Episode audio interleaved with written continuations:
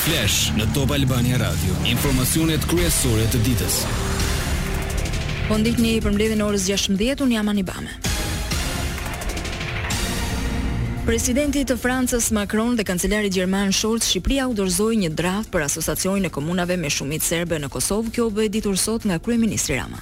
Dje i kam përcjell presidentit Macron dhe kancelarit Scholz, që janë dy kumbarët e propozimit franko-gjerman, një draft të Asociacionit, për të cilin kam vënë në dijeni dhe presidentin e Këshillit Europian Charles Michel si dhe palën amerikane. Është një draft i punuar nga ekspertë të nivelit më të lartë amerikan dhe europian prej kohësh, gjë që është bërë, pikërisht në rast se do të vinte kjo ditë, kjo ditë kur palët dhe në këtë rast për mua i pakuptueshëm është pozicioni i Kosovës, jo i Serbisë që e përsëris bën atë që ka bërë dhe herë tjera, palët nuk po merren dot vesh as se kush duhet ta shkruajë këtë tekst, jo më të merren vesh se ça duhet të ketë teksti.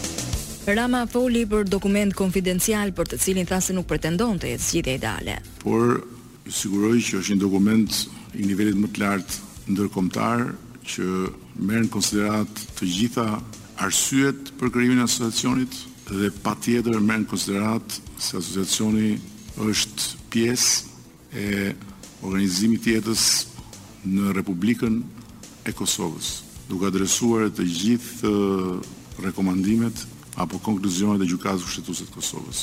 Uroj dhe shpresoj që ky material do të vlejë për të çuar në një nivel tjetër dialogun dhe për t'i bërë palët që të flasin për gjëra konkrete, gjëra që lidhen me përfundimin e suksesshëm të dialogut.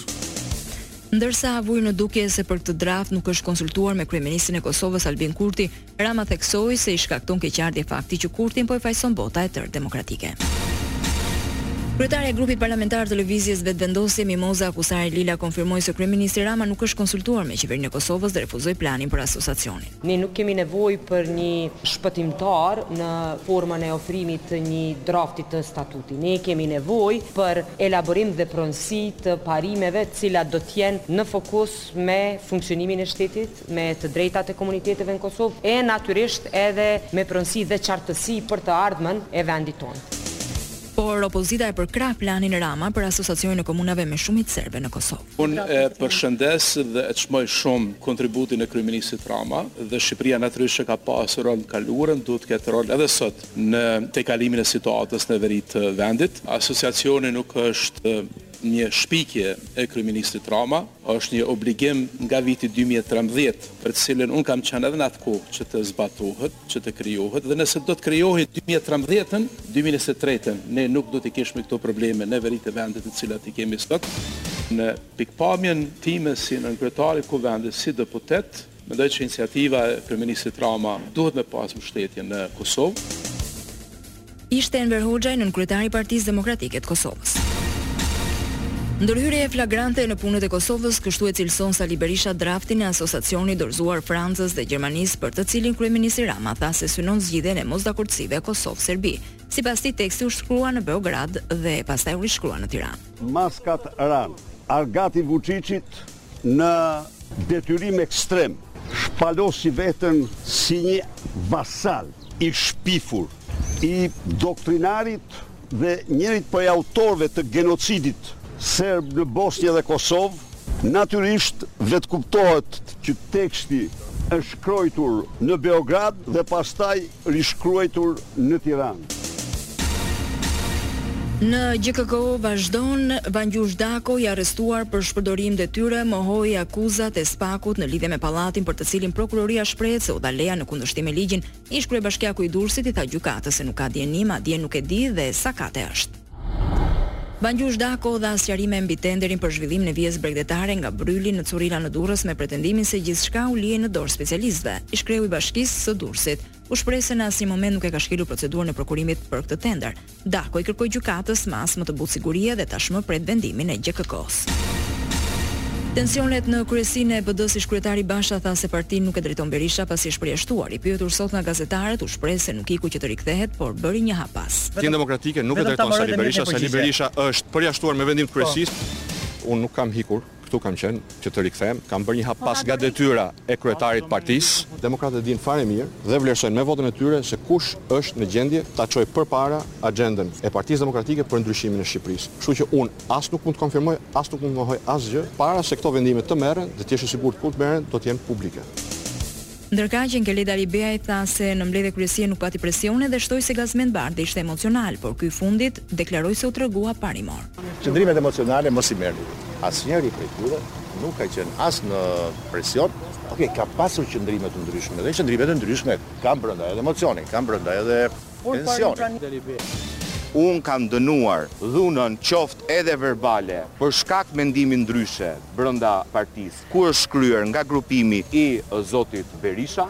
Do dënoj dhunën verbale, shantazhin ndaj deputetëve, fyerjet ndaj tyre. Dhunën ndaj gazetarëve, shantazhin ndaj gazetarëve, fyerjet ndaj gazetarëve edhe kur vijnë nga anëtarë të Partisë Demokratike. apo jo anëtarë të Partisë Demokratike, të cilët deri në këtë moment kanë menduar njëlloj si mua. Lidhur me garën për kreun e PD-së, Alibeaj tha. Kurrsesi nuk do të duhet të sfokusohemi nga fakti kush do të jetë kryetar. Kryetar do të jetë ai që do votojnë demokratët për të kandiduar. Ka të drejtën të kandidojë kushdo.